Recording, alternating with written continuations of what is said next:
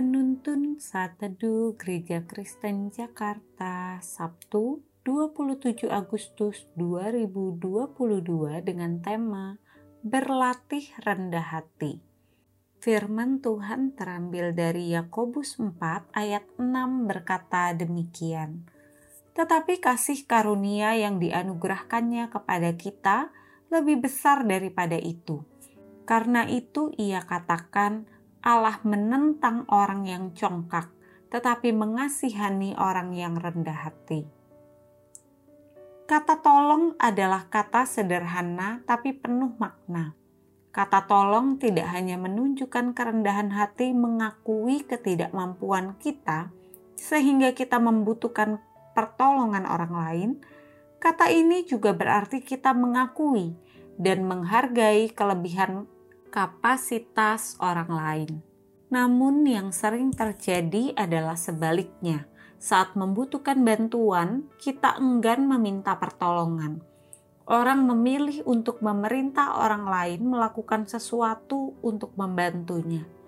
Meski tampak sepele, memerintah adalah bentuk ekspresi sikap superior, bukan sekedar karena jabatan, melainkan didasarkan pada kekerasan hati dan kesombongan, tidak mau mengakui kelemahan.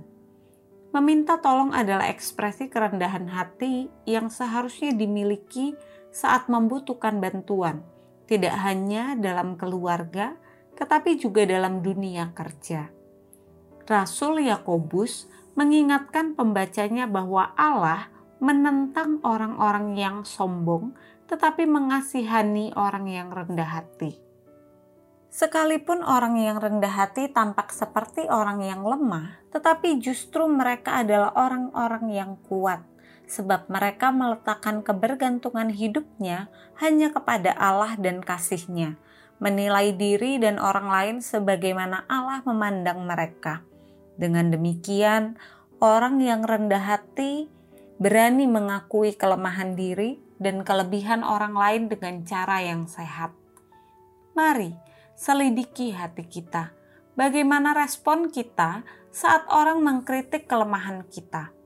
Apakah kita marah, kecewa, mengelak, atau mengakuinya?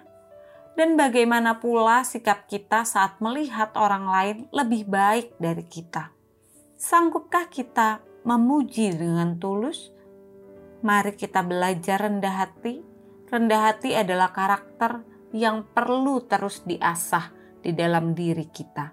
Sekalipun awalnya terasa sulit, percayalah bahwa kasih karunia yang dianugerahkannya kepada kita lebih besar dari segala kesulitan itu. Hidup adalah pelajaran panjang dalam kerendahan hati.